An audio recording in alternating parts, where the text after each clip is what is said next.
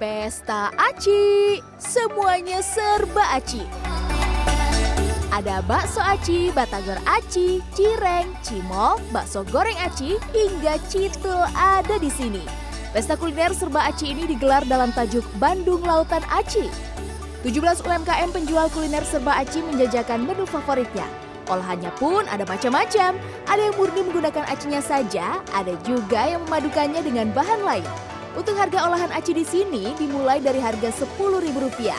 Saking banyaknya pilihan, warga pun antusias untuk datang ke festival kuliner unik ini. Adanya festival ini kita jadi tahu ya, enak banget sih. Aku juga baru tahu bahwa makanan di Bandung ini banyak beragam dan dibuat dari satu bahan aci. Enak-enak makanannya sih, senang banget di sini. Uh, tadi beli bakso aci sama siomay dan ingetin masa-masa kecil. Bandung Lautan Aci ini digelar di pusat perbelanjaan Jalan Cihamplas Kota Bandung selama tiga hari sejak 18 sampai 20 November.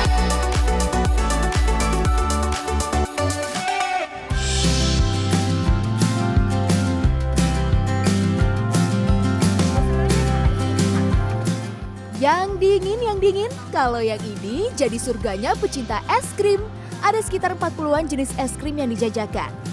Mulai dari es krim khas Turki yang identik dengan atraksi penyajiannya, hingga rujak es krim yang banyak diburu pengunjung.